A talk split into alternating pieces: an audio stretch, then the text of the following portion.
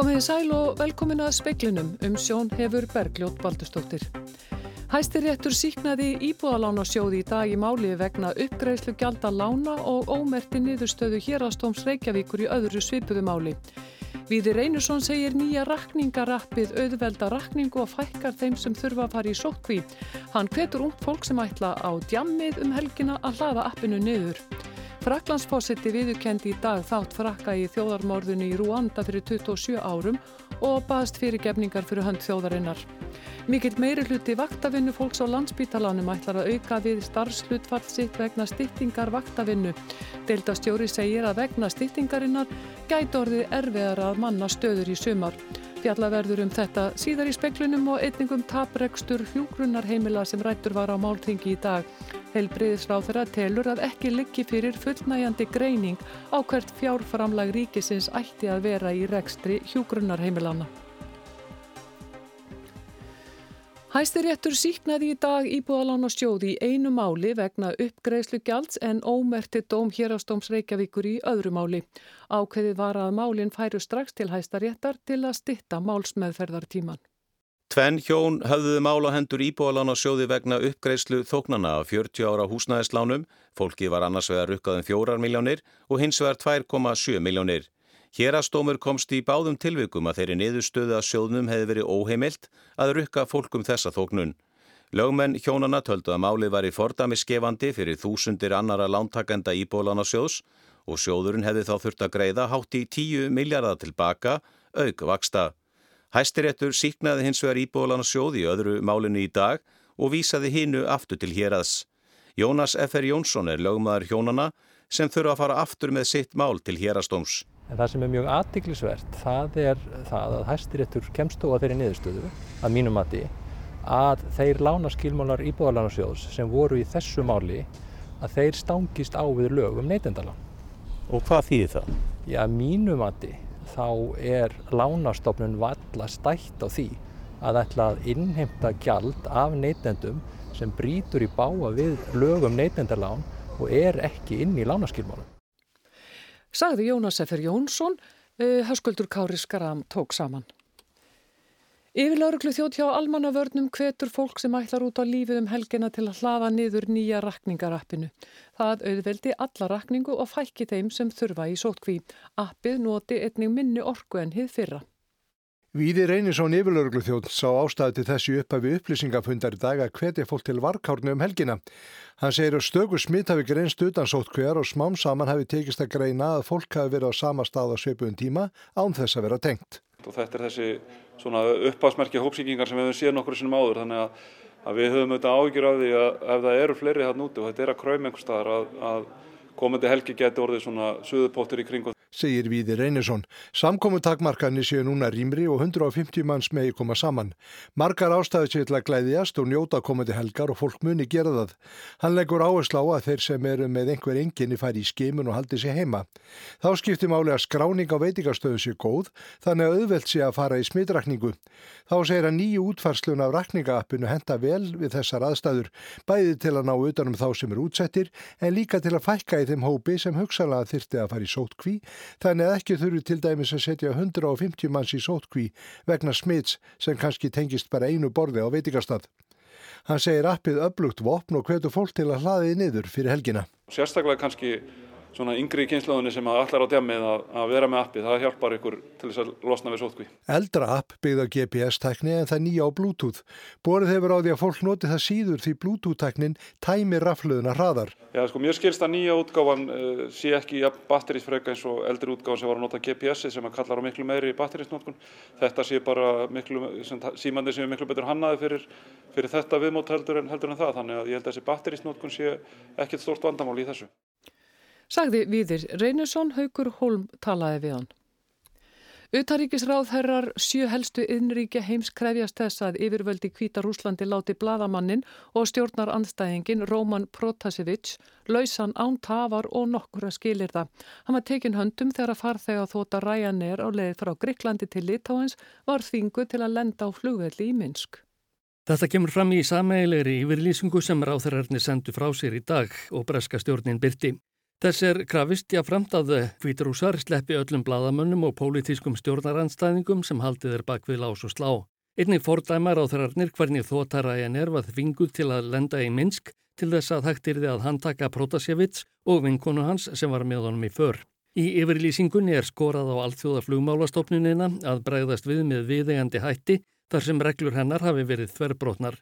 Þá hafi aðgerðirnar einnig verið alvarleg árás á frelsi fjölmiðla. Vegna málsins hefur Evrópusambandið mælst til þess að kvíturúsneskum flugvilum verið bannað að fljúa um lofthelgi aðildarlandana og að Evrópsk flugfélag hætti að fljúa um þá kvíturúsnesku. Östuríska flugfélagið Austrian Airlines varði í dag að hætta við flug frá Vínarborg til Moskvu þar sem það ætlaði að breyta flugleðinni í samræmi við ráðleggingar flugöryggistofnunar Evrópu. Rúsnesk yfirvöld fjallust ekki á breytinguna. Ásker Tómasson sæði frá. Mannabein sem rak á landi í Vopnafyrði og fundust 1. apríl síðasliðin eru af skeipverja sem fjall fyrir borð á fiskiskipinu Erling KE 140 í mægi fyrra. Skipið var á leið til Hafnar í Vopnafyrði þegar í ljós kom að einskipverjana var saknað. Hans var leitað í nokkra daga en án árangus. Bein fundust í Vopnafyrði í apríl í ár og voru þau sendir rannsóknar á landsbítala og síðan til DNA greiningar í Svíþjóð. Niðurstaða likur nú fyrir Sá sem lést hétt Axel Jósefsson Sarjók og var fættur árið 2001. Gerði ráð fyrir að það geti tekið frá þremur vikum og allt upp í þrjá mánuði fyrir hraun úr eldgósunu við Fagradalsfjalla fylla náttaga og ná að Suðurstrandavegi. Raukvaldur Ólafsson, aðstóðar yfirlörglu þjótt hjá almannavörnum, segir enn óljóst hvort gripið verið til varna við náttaga, fljótlega eða beðið átækta. Það er að að meta núna bara hvaða kostur er í stöðunni, hvort það sé físilegt að fara í, í að gera varnaverki og hvað er það eftir þá að vera og með hvaða hætti og eða hvort það fara í einhverja aðrar aðgerði eins og hérna, að dýfka landslægið annar staðar og svo líka er náttúrulega að skoða þannig möguleika að gera ekki neitt og, og hvað það áhrif það hefur.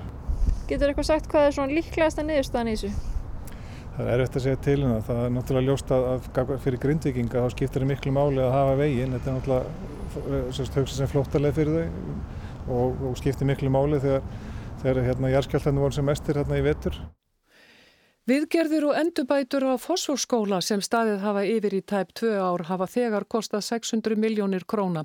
Þetta kemur fram í svari Helga Grímssonar, sviðstjóra á skóla og frístundasviðs, við fyrir spurt fulltrúa sjálfstæðisflokksins í skóla og frístundaráði. Skólinn verður ekki opnaðar aftur fyrir en húsnæðið hefur fengið fullgilt helbriðisvottorð. Svar Helga Grímssonar var lagt fram á fundi rásins í vikunni en það er dagsett annan mæ. Reykjavíkuborg sendi fjölmiðlum yfirlýsingu sendi gerkvöld þar sem greint var frá því að fara ætti í gaggerar endurbætur á öllum byggingum skólans. Engin kensla yrði þar næsta vetur heldur verið stemt að nefnundur fengju inni í korpuskóla. Emmanuel Macron, fraklandsfósitti, viðurkendi í dag að frakkar hefðu áttátt í þjóðarmorðunni í Rwanda árið 1994.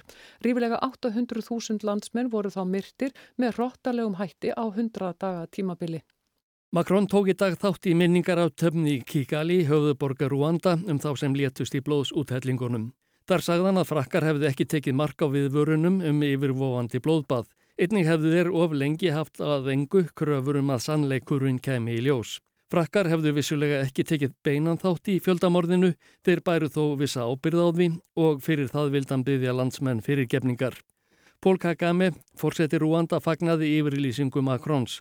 Orðans hefðu verið mikilvægari en afsökunarbeðinni því að þau hefðu verið sonn. His words were something more valuable than an apology. They were the truth. Frönska rannsóknar nefnd komst fyrir á þessu ári að þeirri nýðurstöðu að frakkar hefðu í stjórnatíð Fransúa Mitterrands fórsetta átt umtalsverðan þátt í þjóðarmorðinni við Rúanda fyrir 27 árum. Ekki með beitni þáttöku heldur með því að reyna ekki að koma í vekk fyrir það að herskáir hútar myrtu um 800.000 landa sína aðalega úr minni hluta hópi Tutsa. Þjóðernishreyfing Rúanda, RPF, kom hútonum að lokum frá völdum undir stjórn Póls Kagames síðar fórsetta. Ásker Tómásson sæði frá. Mikill meiri hluti vaktavinnu fólks á landsbítalanum ætlar að auka við starfslutfallsitt vegna styttingar vaktavinnu. Ekki er útilokað að þjónusta spítalans skerðist í sumar vegna styttingarinnar og skorts á starfsfólki. Stytting vinnveikunar gekk ekki gildum síðustu mánamót hjá 9.000 vaktavinnumönnum sem starfa hjá ríki og bæ. Af þessum fjölda er um 3.000 í vaktavinnu á landsbítaranum. Helga Siguradóttir, deildarstjóri mönnunar og starfsungverjus deildarspítalans, er einn þeirra sem hefur unnið að því að koma á nýju vaktakerfi. Hún segir að það hafi gengið á ímsu frá því að vaktirna voru stittar. Þetta hafi verið mikil vinna á álags tíma. Og myndin er að skýrast en hún er ekki orðin full ljós. Kerfin okkar eru viltölu að ný, nýlega tilbúin og við hefum meðlega þurft miklu lengri tíma til þess að lærin á þess að kerfisbreytingar og sjá hvað þetta þýðir og bæði stjórnendur og, og hinn almenni starfsmæður. Þannig að, að það er svona ekki alveg ljóst, uh, full mynd er ekki komin og við sennilega út þetta ár verð, verða breytingar fólk auka við sér starfslutvall og og svona stjórnendur átt að segja á hvað þarf raunverulega í mönnun og þetta dettur svona akkurat inn í sumarið og þannig að myndin er að skýrast en hún er ekki orðin fullkomlega ljósa en þá. Fyrir styttinguna var meðalega starfslutvall vaktafinu fólks á landsbítalunum um 70%. Vonast þeir til að sem flestir auki við starfslutvallið sitt með öðrum orðum vinni sama eða svipa vinnutíma en fáunleið harri laun en er ljóstu hver margir ætla að auka við hlutfallið? Já, það er mikil meiri hluti sem að hefur ákveðið að auka við sér starfslutfall og þetta voru svona forsendurnar fyrir verkefninu að fólk myndi auka við sér sem nefnur styttingu sem nefnur viðbúta styttingu sem kemur uh, til vegna álasvakta og svo í þriðja lagi til þess að loka mannunagati eða vantaði áfram inn á skiplasenningar. Helga áallar að um 90% stafsmanna ætlað auka stafslutvallið sitt en mismikið. Það geti verið allt frá 3% upp í 10-20%. Áallar megi að aukningin nefnum 200 stöðugildum. Það, þetta er eiginlega svona ennþá reyfingu og, og við þurfum áfram að hvetja fólk til þess að, til þess að auka vissi starfslutvall það sem er ennþá mannunagatt.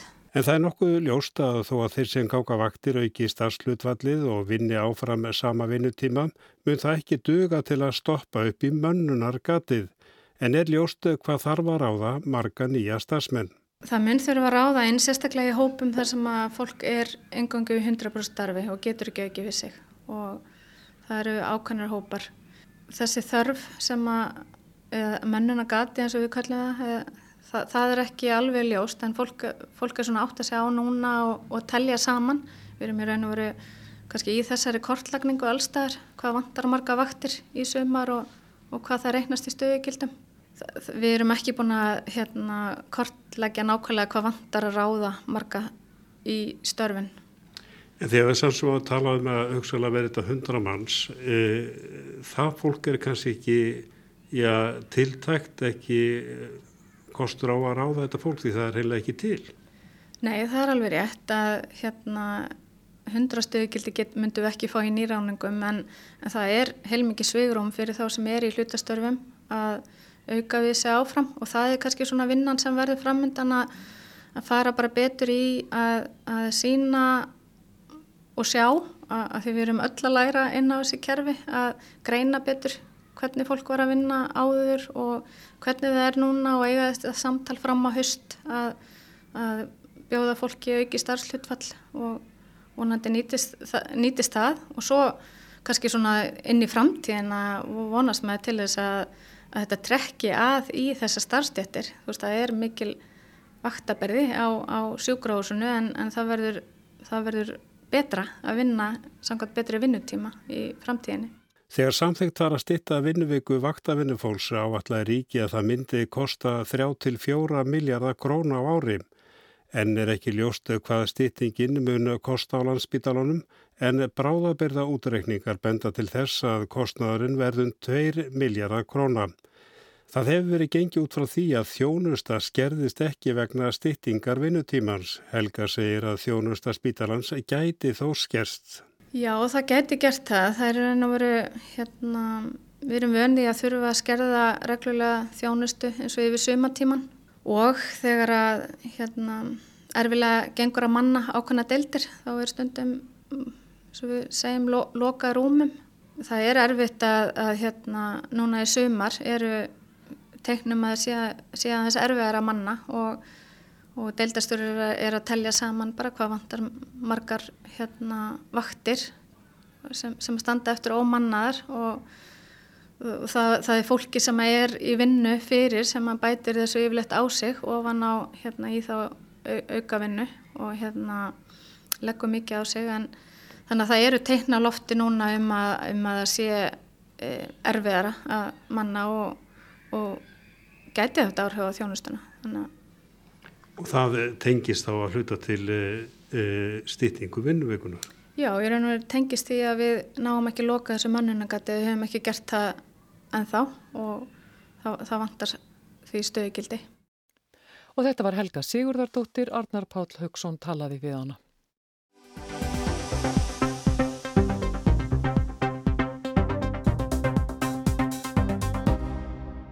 Svandi Svavarstóttir heilbriðisráð þeirra telur að ekki liggi fyrir fullnægjandi greining á hvert fjárframlag ríkisins ætti að vera í rekstri hjúgrunarheimilana. Þetta sagði hún á málþingjum greiningu á rekstrakostnaði þeirra sem haldi var í dag. Þar var fjallað um svo kallaða gilvaskýrslu en Gilvi Magnússon, professor við viðskiptafræði deilt Háskóla Íslands, fór fyrir verkefnistjórn sem greindi rekstrarkostnað og afkomu hjúgrunarheimila. Aldís Hafsteinsdóttir, formaður sambands íslenskara sveitafélaga, segir að mögulega sé rekstur heimilanna dýrari í hennum dreifðu byggðum. Niðurstöður starfshóps síndu að tap á rekstri hjúgrunnar heimilanam namn 3,5 miljardi króna árin 2017 til 2019 og að sveitarfélög greittu með reksturinnum til að dragur hallanum. Með þeirri viðbót náðist hallin niður í halvan annan miljard króna. Heilbriðisráð þeirra sagði meðal annars að í skýrslinni kæmi fram að rekstur heimilanna hefði gengið misvel en flest þeirra hefðu verið rekin með halla. Þó voru um 27% þeirra rekin með rekstra afgangi á viðmiðurnar árinu 2019 og 25% með halla undir 2%. Það er að segja, tæplega helmingur var rekin með meiri halla. Í þessum tölum er gert ráð fyrir fjárframlegum sveitafélagana en að þeim frátöldum voru um 13% heimilanna rekin með jákvæðri afkomu. Í skýslunni kemur ekki fram hvers vegna sum heimilin eru rekin innan fjárheimilda en önnur ekki. Ekki lægi fyrir hvað greindi á milli heimilanna sem rekin voru með halla og hinna. Þó hafi komið í ljós að í sumum tilfellum hefðu laun verið hærri hjá þeim sem skilað hefðu reksturinnum til ríkisins. Slíku launamunur getur skýrt hluta þess halla sem hérum ræðir en ekki liggur fyrir fullnægandi greining á því uh, þeim þætti. Uh, þannig að með þetta í huga sem að ég hér hef farið yfir þá dreg ég þá áleitun að það liggi ekki enþá fyrir fullnægandi greining á því hvert fjárframlega ríkisins ætti í raun að vera í rekstu hjókunaheimilina. Gilvi Magnússon sagði á málþinginu að verkefnistjórnin hefði ekki reynd að greina hvers vegna sum heimilin hefðu verið rekin með afgangi. Um, en vegna þess að uh, launin vega svona þungta þá hlýtur það eiginlega að vera vegna þess að launakostnaður var lægrið þar. Það getur verið að þeir hafa náð einhverjum árangri líka í einhverjum öðrum liðum en launakostnaður er bara svo svakalega þungur að, að það hlýtur eiginlega að vera að launakostnaður hafi verið eitthvað lægri eh, hvort sem það er nú vegna betri nýtingar á starfsfólki eða einhverjum öðrum ástæðum hjá þeim eh, sem að náðu einhverjum afgangi en staðan er augljóslega mjög svört hjá stórum hluta heimilina. Kostnaður við rekstur hjúkurinnar heimilan árið 2020 var tæpir 34 miljardar og þar af var launakostnaðurinn rúmir 26 miljardar. Gilvi bendi ennfremur á að verkefnistjórnin hefði ekki lagt mat á gæði ummönnunar eða þjónustunar sem heimilin veita en hið ofinbera gerir ákveðnar kröfur um gæði ummönnunar. Því miður þá uh, eru heimilin að jafnaði og reyndar nánastu öll nema með örfá mundatekningum tiltrúlega fjærri því að ná þessum viðmiðum. Þannig að, að hallareksturinn er ekki vegna þess að það sé verið að leggja miklu meira í ummönnununa heldur en ætlasti til það er í raun og veru hallaregstur þrátt fyrir að lagt sér minna í umönunina umönunina, allavega mælt í klukkutímum heldur en uh, við með landlæknis uh, gera ráð fyrir. Aldís Hafsteinsdóttir, formaður sambands íslenskra sveitafélaga, segir að launakostnaður hjá sveitafélagunum sé hærri en hann er hjá ríkinu. Það er vegna þess að við greiðum, eða sveitarfélagsamningarnir greiða e, ófaglærðum, þeim sem eru svona í legstu tekju tíundum, örlíti herri laun. En í staðin eru faglærða fólki hjá okkur með aðeins minna. Þannig að við erum með örlíti flatari launakurvu heldur er ríkið en það á ekki að skipta eh, miklu í hennu stóra heila fyrir utan það að veri fulli samrami við markmi lífskjara samningana um að, um að hækka aðeins umfram aðra þá sem að lagstöðu launin. Hún segir að fleiri sveitafélög en þau fjögur sem nú hafa skilað rekstri til ríkisins séu að hugleiða að gera slíkt til sama. Já, ég er alveg sannfærið um það að það eru svo til allir að íhuga hvort er eigi að skila rekstrinum en því miður er staðan þannig og þá sérstaklega í dreifbílinu að e, það er ekkit gefið að sveitafélagum þóri að stíga þetta skref. Því að eh, hjúgrunaheimilin eru þetta mjög mikilvæg fyrir hvert sveitafélag og allir vilja huga vel að þörfum sinnar eldstu kynnslóðar og ef að sveitafélag hafa það á tilfinningunni að jafnvel hjúgrunaheimilinu þeirra verði lokað ef að þau stíga einhver skref núna að þá munum þau ekki gera það en það eru þetta allir um borði í sama bátnum. Það er ekki eðlilegt að sveitafélagin sé að greiða niður rekstur hjúgrunarheimila með þeim hætti sem þau hafi, verið að gera. 19 hjúgrunarheimili voru rekin á vegum sveitarfélaga, 15 eru eftir. Fjórum hefur verið skilað til ríkisins og fleiri íhuga stöðu sína. 90% þeirra eru rekin með halla. Og þau eru auðvitað öll að skoða sína stöðu. Það er ekki þar með sagt að þau stýgi skrefið en það er auðvitað mjög rík krafa og það hefur til dæmis komið fram bara frá Grítubakkarheppi til dæmis þar sem að tap sveitafélagsins á síðast ári skýrist einverðingu af e, auka kostnaði við rekstur hjókunaheimilisins. Aldi segir að sveitarfélögin vilja brúðist sé við skýslu verkefnustjórnarinnar með fjármagni því að öðrum kosti verði ófremdar ástand í þessum geira. Mögulega séu hjókunarheimili í hennum dreifðu byggðum aðeins dýrari en í þjættbílunu og það verði að horfa til þeirrar staðrendar. En má ekki laga til í rekstri heimilana? Auðvitað það, engin spurning að það má öruglega allstaðar gera betur. Eh, en það er líka vitað að sveitarfélaga heimilin eru oft á tíðum, þau eru minni og þau eru með örlíti minni hjúgruna þingd og fá þar að leiðandi minni tekjur inn til sín. En það byggir líka á því að í hennu dreifðu byggðum þar er miklu erfiðar og flóknar að veita heimaþjónustu inn á heimili fólks heldur inn í þjættbílunu. Þannig að fólk fer kannski örliti fyrir inn á hjúgrunna heimilin heldur en það þyrta öðrum kost að gera. Því við vitum það ef það eru 50-60 kilometrar að heimili fólks í sveit þá er mjög snúið að veita bæði félagslega stuðnistjónustu eða stuðnistjónustu og, þarna, og heimahjógrun uh, inn á það heimili og það er mjög kostnæðarsamt. Og þetta var Aldís Hafsteinsdóttir.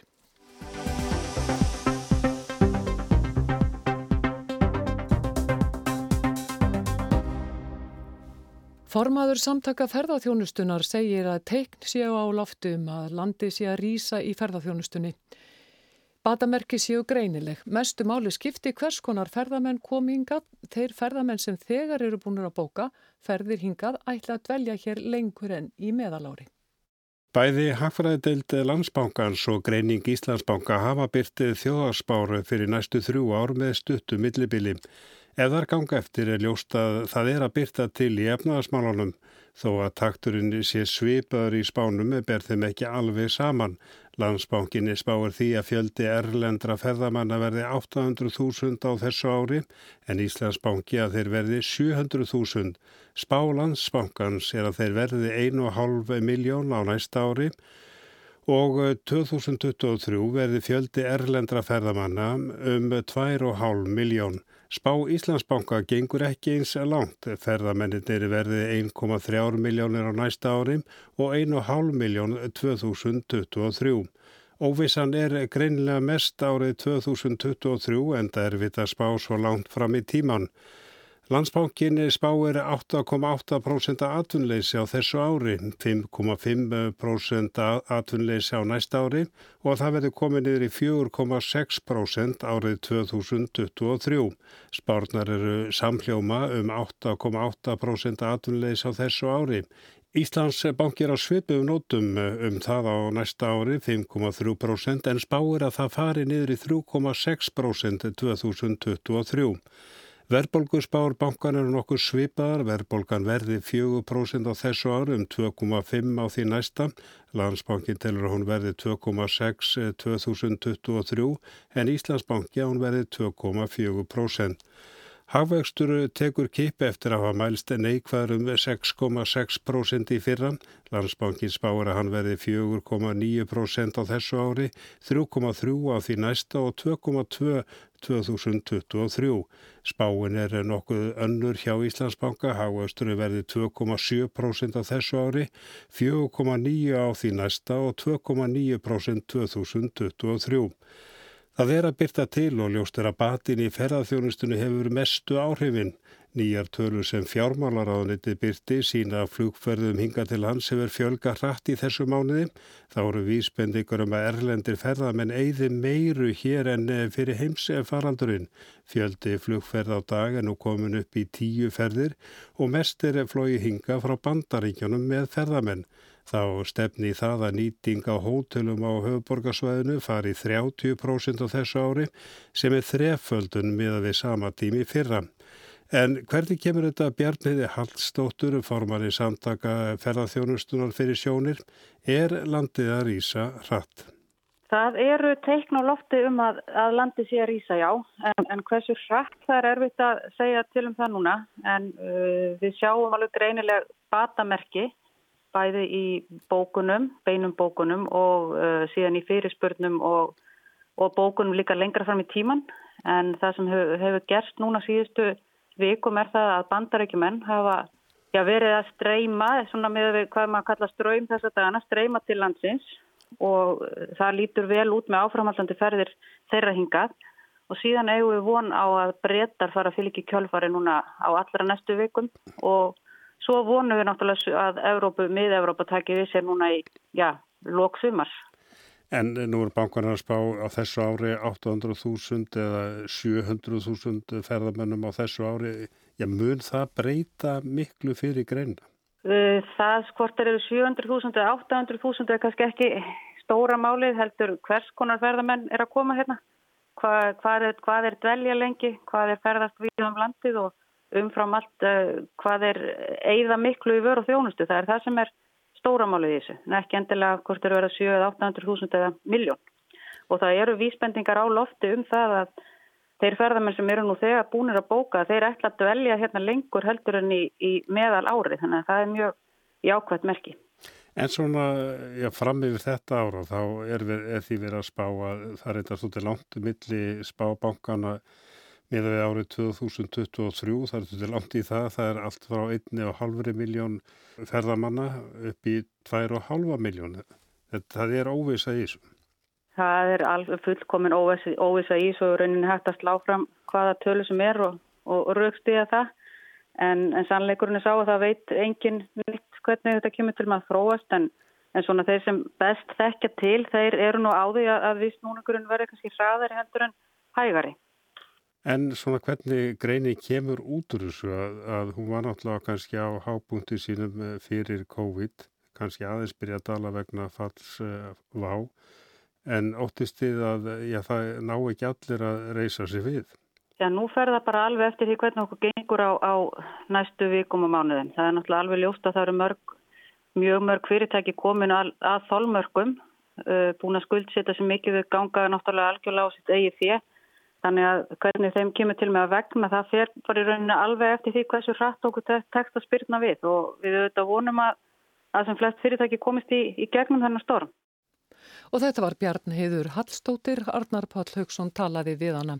Veðurhorfur, austan 10 til 18 metrar á sekundu sunnan til á landinu kvassast og með lítilsáttar vætu við söðurströndina, hægari vindur og yfirleitt létt skíjað annar staðar.